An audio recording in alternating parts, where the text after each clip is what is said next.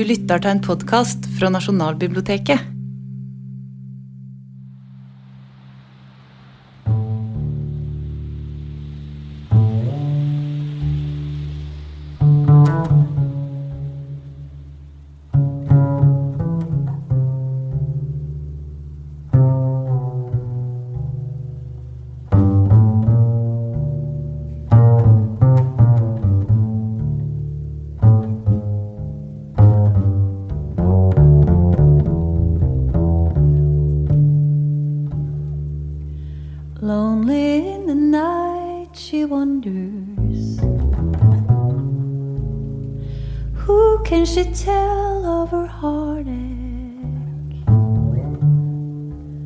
They that knew her didn't care,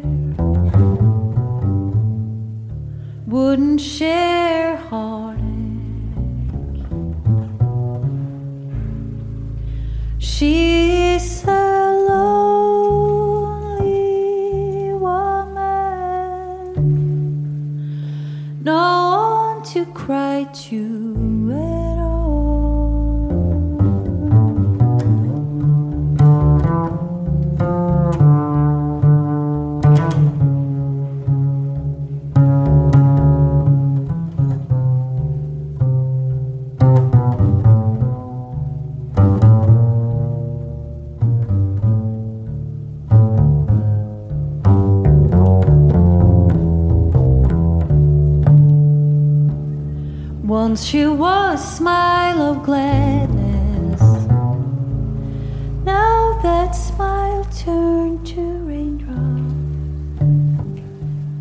then a new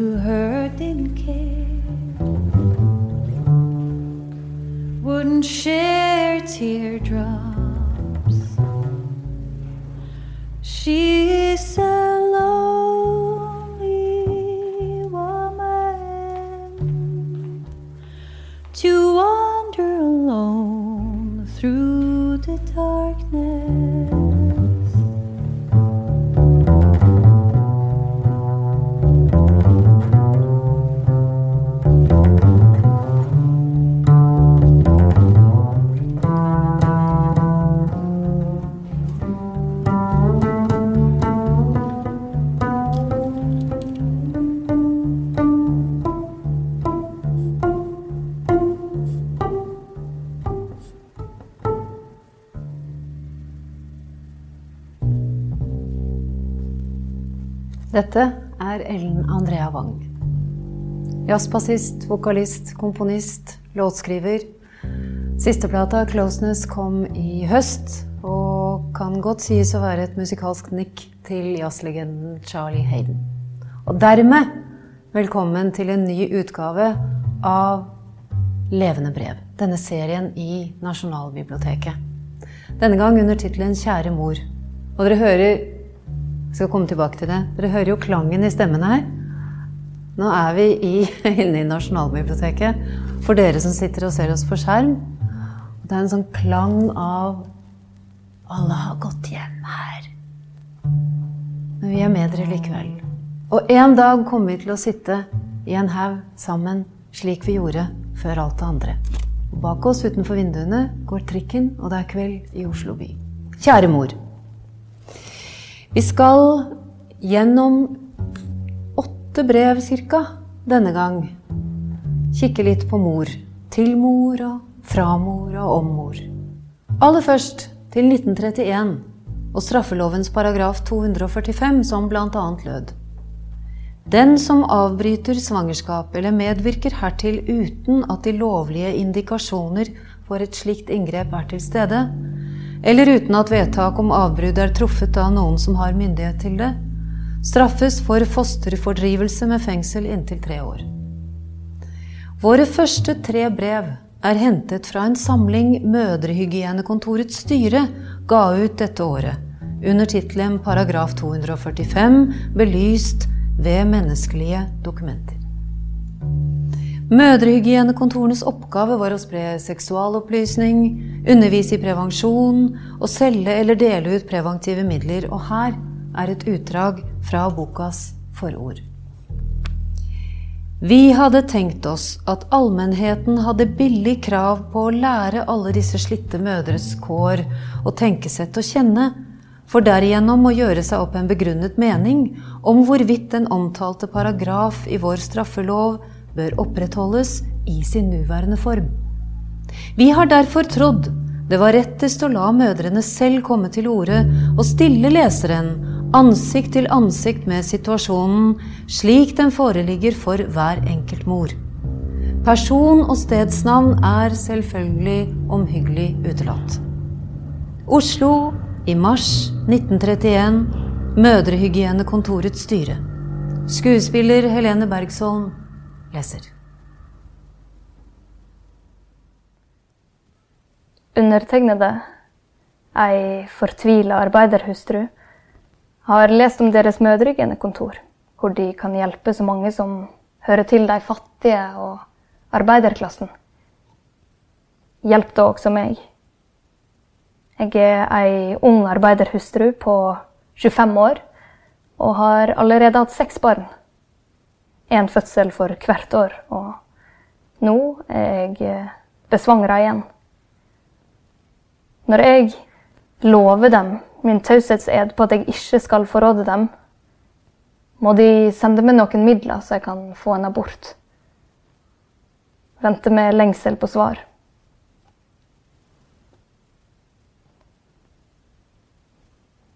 Vil De av den godhet å sende undertegnede hjelp til å stanse et påbegynt svangerskap? Jeg har nettopp hatt den store sorg å miste min mann. og sitter ganske alene igjen med fire små barn. Jeg er derfor nødt til å gå ut og arbeide for å skaffe mine små det nødvendigste. Skal jeg sette enda et barn i verden, ser jeg bare den sorteste fortvilelse i møte. Jeg har spurt legen, men jeg fikk kun den trøst at fattigkassa vil hjelpe. Hvor hjerteløst allting kan bli. Bare tanken på fattigkassa gjør meg så fortvila at jeg flere ganger har tenkt å søke døden. Det eneste håp er nå at de vil hjelpe meg i min store nød. Kanskje jeg da, tross min sorg, likevel kunne se framtida lysere i møte og hjelpe mine små stakkarer fram i verden.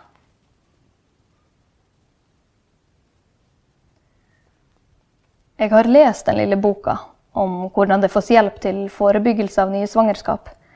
Men gir det ikke råd eller hjelp til en som er så uheldig å være kommet i den situasjonen? Jeg er 25 år og har fem barn, og jeg tror nå sikkert jeg er svanger igjen. Jeg har blærekatarr og betennelse i nyrebekken på begge sider. For det første er jeg ikke på langt nær frisk. Og for det annet kan jeg ikke se noen utvei til underhold av flere barn. Min mann er heller ikke sterk. Han har vært fire måneder på tuberkuloseheim da han er brystsvak. Og det er nå et år siden han ble utskrevet helbreda, men jeg har nå mine sterke tvil. Han arbeider i byen, og vi bor på to steder. Og det er ikke mer enn så båten bærer, som det nå står kan det ikke hjelpe meg for denne ene gangs skyld. Jeg veit ellers ikke hva jeg skal gripe til. Noe må jeg gjøre. Jeg veit hva det er jeg ber dere om, og jeg håper dere tilgir ei fortvila og utslitt arbeiderhustru.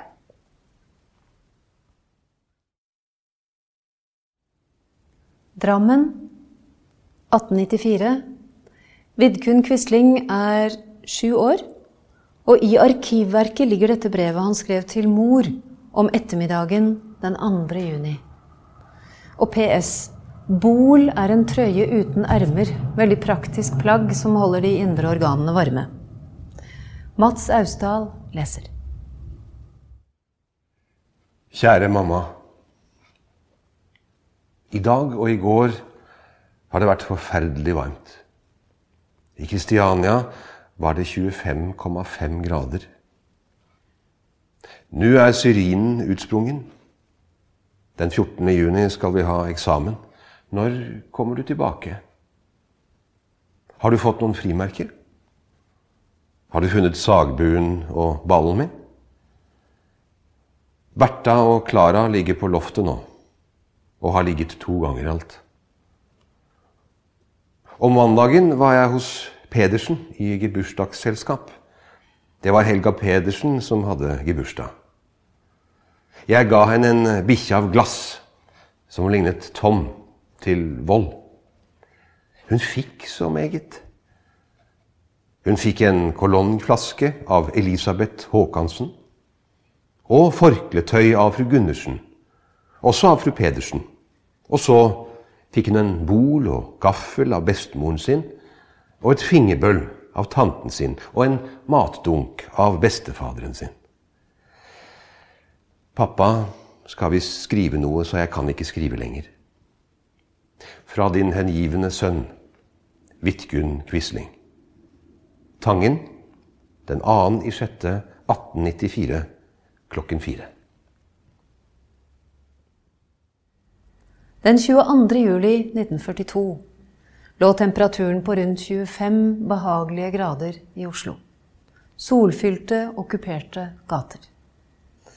Viktor Pedersen er dømt til døden av okkupasjonsmakten og får smuglet ut et brev i siste liten til sin mor fra Møllergata 19. Brevet ligger nå i Riksarkivet og leses av Kingsford Siajor. Ja Min siste hilsen til alle kjente. Til alle hjemme til Norges folk. Jeg har falt for Norges frihet. Men jeg håper at jeg ikke har kjempa forgjeves. Håper at vi seirer. Og må seier bli til lykke for dem som blir igjen. Jeg er tatt. Og må tilstå å ha arbeida for et fremmed land. Jeg gikk og sov og tenkte ikke på faren. Så det er min skyld at jeg ble tatt. Men jeg tar det som en soldat. Viktor Pedersen, Munkedamsveien 31B.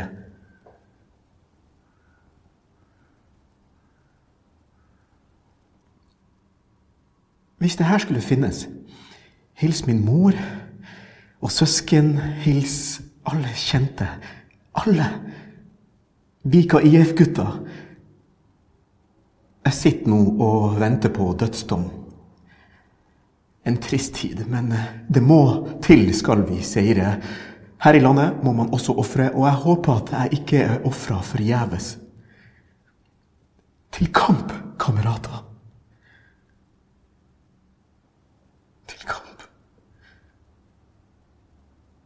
30. november 1855 skriver Camilla Collett dette brevet til sin sønn Robert. 13 år. Robert bor på Lillehammer hos Colletts bror Johan Christian, når han går latin og realskolen. Og det gikk bra med ham. Senere ble han professor i zoologi og bestyrer av Tøyen zoologiske museum fra 1886. Gisken Arman leser. Brev til Robert Collett den 30. november 1855. Sjelden skriver jeg til deg. Ja, det er sant, min stakkars gutt. Men jeg har en gang for alle bedt deg ikke bedømme din mammas sinnelag derefter. Mine tanker er dog ofte, hver dag, hos min Robert. Og det kunne ikke hindre deg fra å skrive til meg. Dette er en tid i mitt liv hvor jeg så nødig skriver til noen. Jeg kan ikke uten største overvinnelse ta penn i hånd. De med hvem jeg før vekslet brev, som var min største glede og oppmuntring. Akk, de er nå døde og borte, alle sammen. Dette vil du bedre forstå når du blir eldre, og jeg kan tale til deg derom. Og om så meget annet. Liksom du da jeg håper dette til Gud bedre vil lære å kjenne og skatte din stakkars moder enn du hittil har gjort. Ja, denne tid må og skal komme hvis jeg lever så lenge. Inntil da vil jeg blott be deg, under alle de velgjerninger du mottar av andre, ikke ganske å glemme meg. Men skrive til deg vil jeg kun sjelden, ytterst sjelden. Et sådant brev som ville fortelle deg om løst og fast, hakk, det ville dog lite uttrykke en moders tanker som har avstått sitt barn til andre. Robert, min første gutt. Atter igjen vender den dag tilbake da du ble født. Og alle de glade, forventningsfulle tanker som hilste deg. Jeg ser pappa stå med deg på armen. Hvor kort skulle det foruntes ham å glede seg over deg? Og hvor kort var også min glede? Men min glede over Robert vil vende tilbake en gang, dobbelt. Også pappas del derav vil jeg en gang få. Robert, si deg det på denne din fødselsdag, at du vil det. At du vil volde alle dem glede der ser så forventningsfullt på deg. I deg, i hans sønner, skal han gis oss tilbake, som vi mistet så tidlig. Han, den beste i hele slekten, den beste jeg har kjent. Husk også på den siste fødselsdag hjemme. Vi hadde båret ham til sengs, og du og dine små bursdagsvenner sto om aftenen om hans seng. Ennu hadde han en spøk, et vennlig ord. Det var det siste, tror jeg, som han i denne verden henvendte til deg.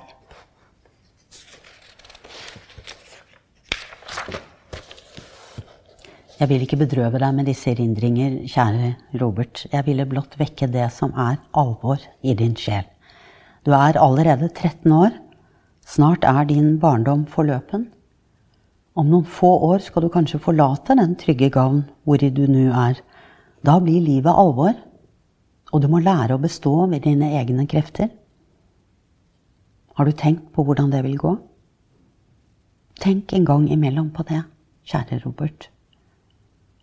Og la det aldri komme til å angre deg at du ikke godt nok har nytt denne tid. Les. Les. Vær flittig.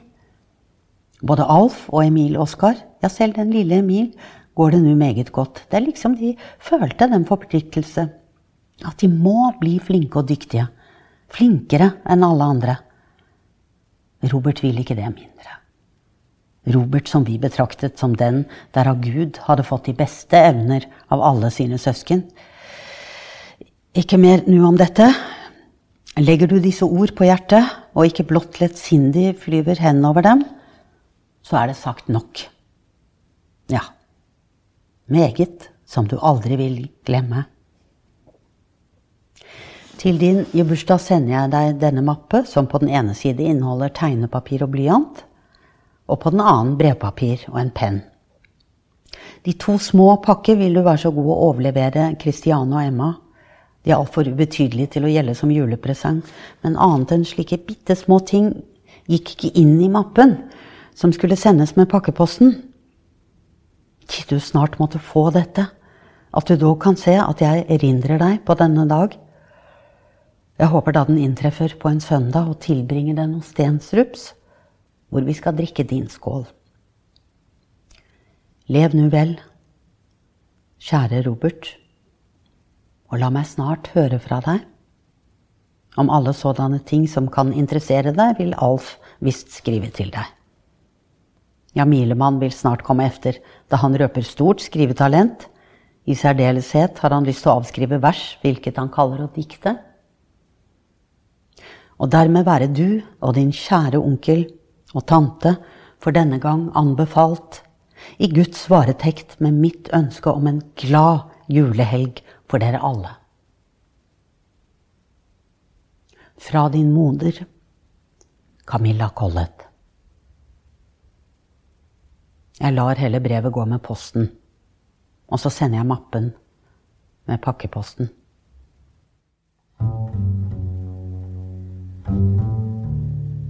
Påsken 1899 så maleren Harald Solberg, som også var en god skiløper, forresten, Rondane i måneskinn.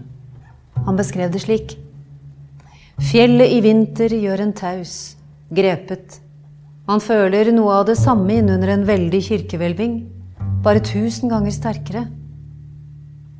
Vinteren 1900 håper han å få ferdig vinternatt i Rondane til høstutstillingen. Det gikk ikke. I mars samme år skrev han til moren, og Kingsford Siajor leser. 11. mars 1900. Rondane. Kjære mor. Du venter vel kanskje litt på å høre ifra meg? Men Carl har jo hørt at jeg har det godt, og dessuten har jeg jo heller ikke vært borte mer enn i én måned. Og dertil har jeg jo hatt en del å gjøre for å komme noenlunde i orden.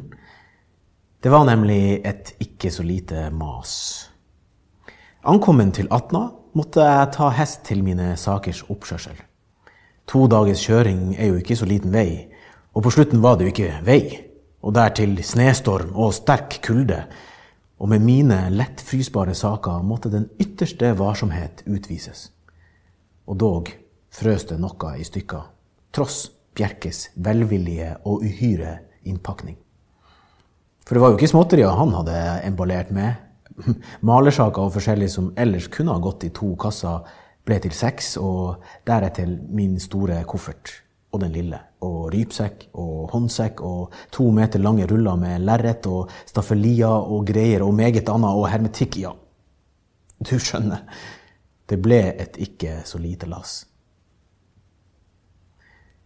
Og på hvilestedet den ene natta måtte allting atter lasses av og bringes i varmt hus. Men du vet, med min bekjente praktiske sans gikk det etter forholdene utmerket. Men du kan tro det som sagt var ondt for veier av og til. Især et stykke oppe i Bretningsdalen. Noe av det uhyggeligste man kan tenke seg av en dal å være i. Veien gikk høyt opp på åskammen, og brattstupet endte ned til elva. Her var veien blåst til av sne, så den var aldeles skjev. Slik. Se illustrasjonen. Og sleden ville av den grunn uavlatelig ta overbalanse. Men som sagt, godt gikk det. I dag er det søndag ettermiddag, og nå sitter jeg ved peisen hvor det spraker en lystig ild. Inne er det lunt. Ute stygt. Der hvor jeg skulle ha bodd først, holdt jeg ikke ut. Både pga. at alle seks barna i huset hadde vemmelige, stygge utslett i ansiktet, og småfe med. Derfor var jeg også redd for melken. Og så kunne jeg jo ikke få laga mat, ikke suppe eller noe. De ville gi meg i hjel med melk og noe gammelt salta fårekjøtt og noe umulig som de kalte for ost. Og det her, dag ut og dag inn, til sist kunne jeg ikke få mer enn noen biter ned av gangen, og sjøl det kom opp igjen. Altså, jeg flykta. Og jeg tok stilling på en bergrygg en times vei nedenfor, hvor jeg har fått det meget bedre.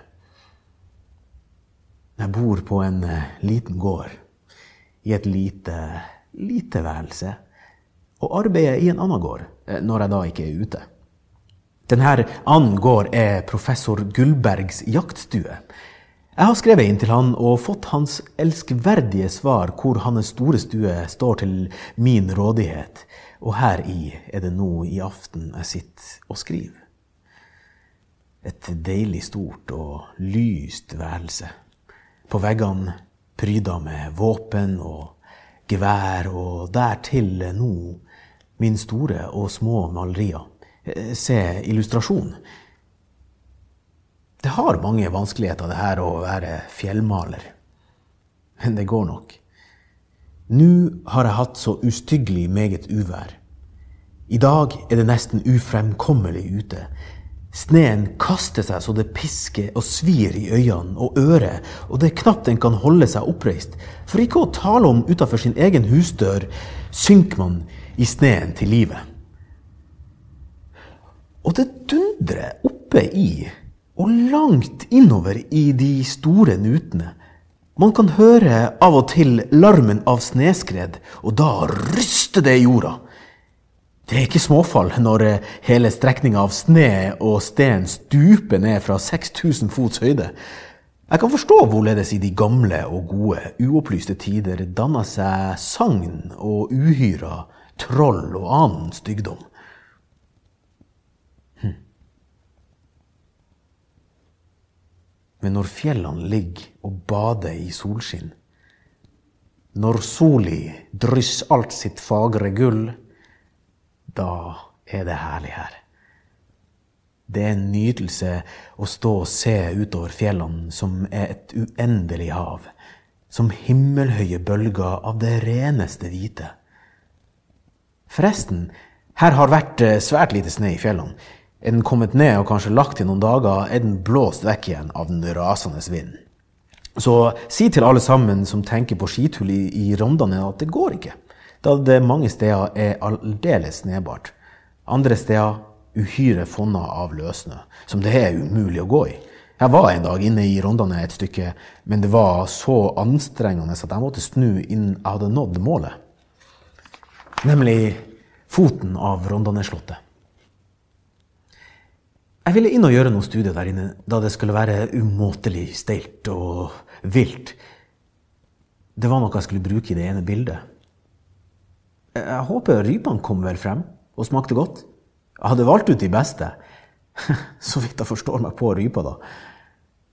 Jeg sjøl lever i beste velgående eh, og føler meg meget bedre enn den siste tida i byen. Jeg tror jeg også jeg har blitt litt eh, tykkere. Jeg drikker meget fløte og melk og spiser deilig flatbrød. Hvis du skulle ville ha noe av det, og for hvor meget, si bare ifra. Det står vel godt til hjemme? Her oppe sier man 'bedre intet brev enn dårlig brev'. Og det trøster jeg meg også med. Hils Ferdinand og si han får ikke fryde seg over perspektivet i tegningen av mitt arbeidsværelse. Det er noe dristig å få med så meget som mulig av veggene. Jeg tenkte det muligens kunne interessere mer enn en oppramsende beskrivelse i ord. Hils òg den elendige studenten Bekkevold, og si jeg venter umåtelig på min kassett. Send den og mulige brev under adressen Atnebroen, PR18 stasjon, og hermed adjø. Hils Ferdinand og Sigrid. Hils Vallebekken og alle hjemme og far og mange hilsener til deg fra din sønn Harald. Historikeren Peter Andreas Munch ble i 1835 gift med Natalia Charlotte Linné. Natalia Munch var musikalsk begavet. Datteren Laura beskriver foreldreparet slik. Disse to begavede mennesker burde nesten ikke ha funnet hinanden. Hver for seg en kunstnernatur burde hver for seg utdannet seg i sitt kall nu måtte den ene vike for den annen. Og dette ble da naturligvis hustruen, da jo Munchs begavelse var den dominerende. Ekteparet fikk tre døtre og en sønn, og her, den 10. juni 1856, skriver Lauras søster, Julie Munch, til sin mor. Lillekort er forresten deres hund. Helene Bergsholm leser. Tirsdagen den 10. juni. Inderlig kjære moder. Jeg vil nå skrive deg til som jeg har lovet deg. Hvordan står det til med bestemoder? Hun lever vel ikke lenge, kanskje. Og dersom hun dør, så må du endelig be henne å huske på meg, som holder så meget av henne. Du kan tro at jeg lengtes meget efter deg. Jeg er derfor så glad for at jeg kan si at du kommer igjen i overmorgen.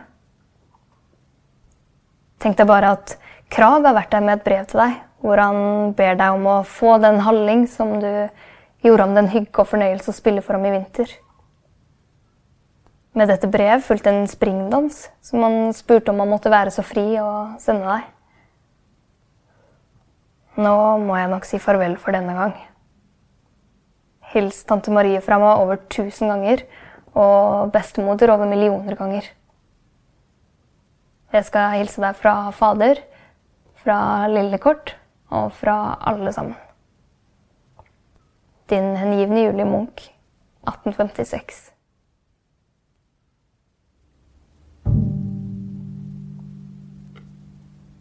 Det fantes en tid vi ikke ringte, ikke tekstet, ikke facetimet, ikke snappet eller la ut en film på TikTok med en hilsen til mor og far der hjemme når vi var ute på farten. Vi sendte postkort fra Sunndalsøra, Bergen, London, Berlin, Cusco i Peru, de greske øyer, Marbella. Og noen ganger detaljerte, lange kort hvor vi beskrev hva vi hadde sett og hva vi hadde opplevd, og innimellom hva vi tenkte og hvordan vi hadde det. Magen var ikke helt grei. Det kom en hund. Vi så en fyr. Andre ganger kunne vi sende et kort hvor det sto 'Hallois, har det bra. Hilsen K'. Sigrid Undset, vår store forfatter, gjorde nærmest samme. I de årene hun reiste omkring skal vi se, de første ti årene av det 20. århundre, skrev hun postkort hjem til bl.a. moren. Og her er et av dem. Gisken Arman leser. Tora Formoe, den stedlige skjønnhet, datter på Formoe, ligger her oppe om somrene som budeier på Formoeseteren. Jeg syns forresten ikke hun er så pen. Mange andre av de unge piker her oppe er vakre. Det er svært pene folk her oppe i Gudbrandsdalen. Nasjonaldrakter bruker de meget. I går var vi på en deilig tur langt innover, fant israndonkler. Frøs nesten fingrene av meg. Avvekslende sol og snebyger. Hilsen SU Sigrid Undset.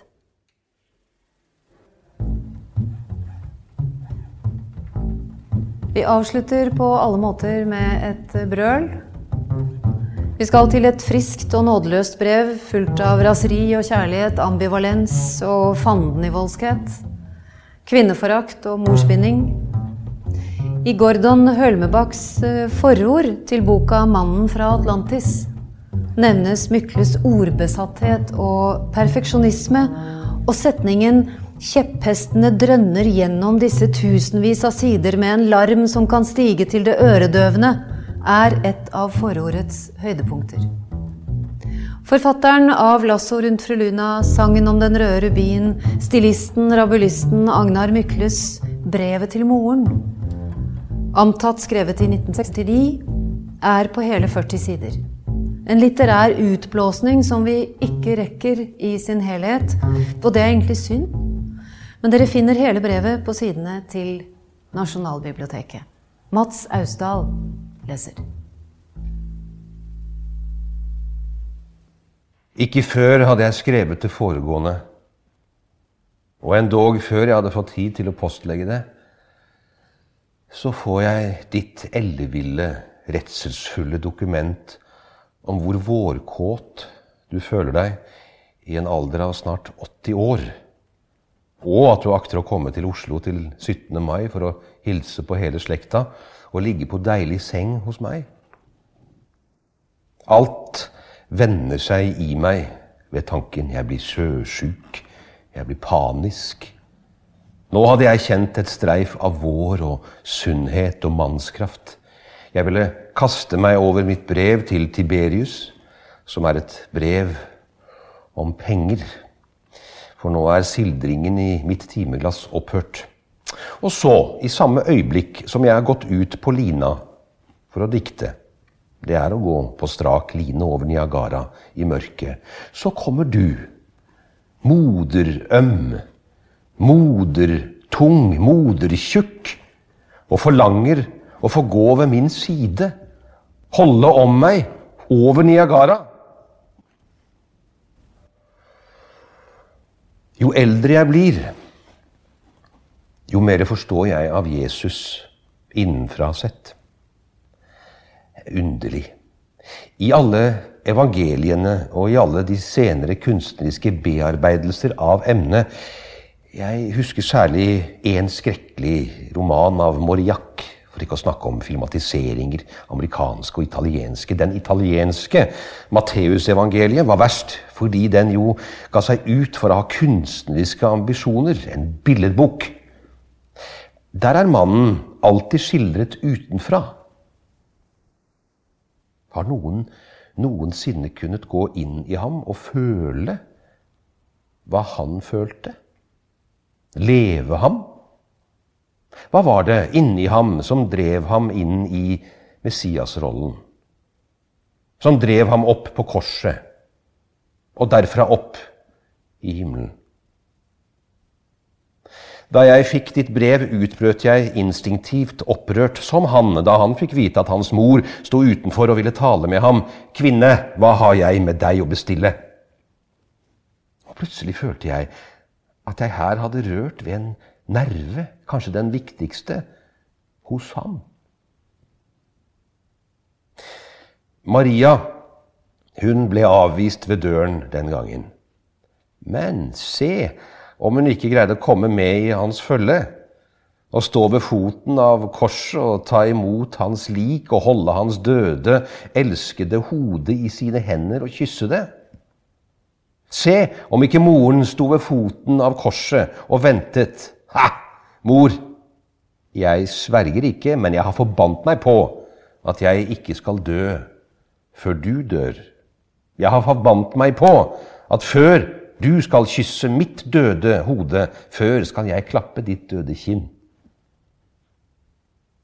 Jeg akter å gjøre det som Jesus ikke greide å unnslippe moren.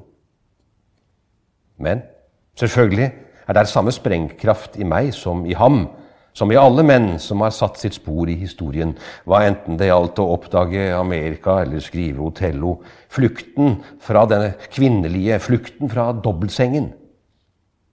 I juli dette året skal tre mennesker for første gang i verdenshistorien sette sin fot på månen. Er det tre kvinner som kommer til å foreta denne reisen? Det er tre menn. Men hvorfor lo jeg? Når de kommer tilbake til jorden, hvem er det da som står rede til å omfavne dem? Når de kommer tilbake til jorden, de tre hellige konger, så står deres koner der, ventende, ventende, sikre på sitt bytte. Det er jo ikke noe å le av. Det er til å gråte over. Selv skal jeg, neste gang jeg gifter meg, gifte meg med en maskin. Mor, du og jeg har snakket ut. Du og jeg har sett nok av hverandre, ansikt til ansikt. Hvorfor leser du ikke hver kveld på sengen høyt for deg selv mitt kapittel fra Rubicon om verdensklumpen? Har jeg ikke uttrykt meg tydelig nok?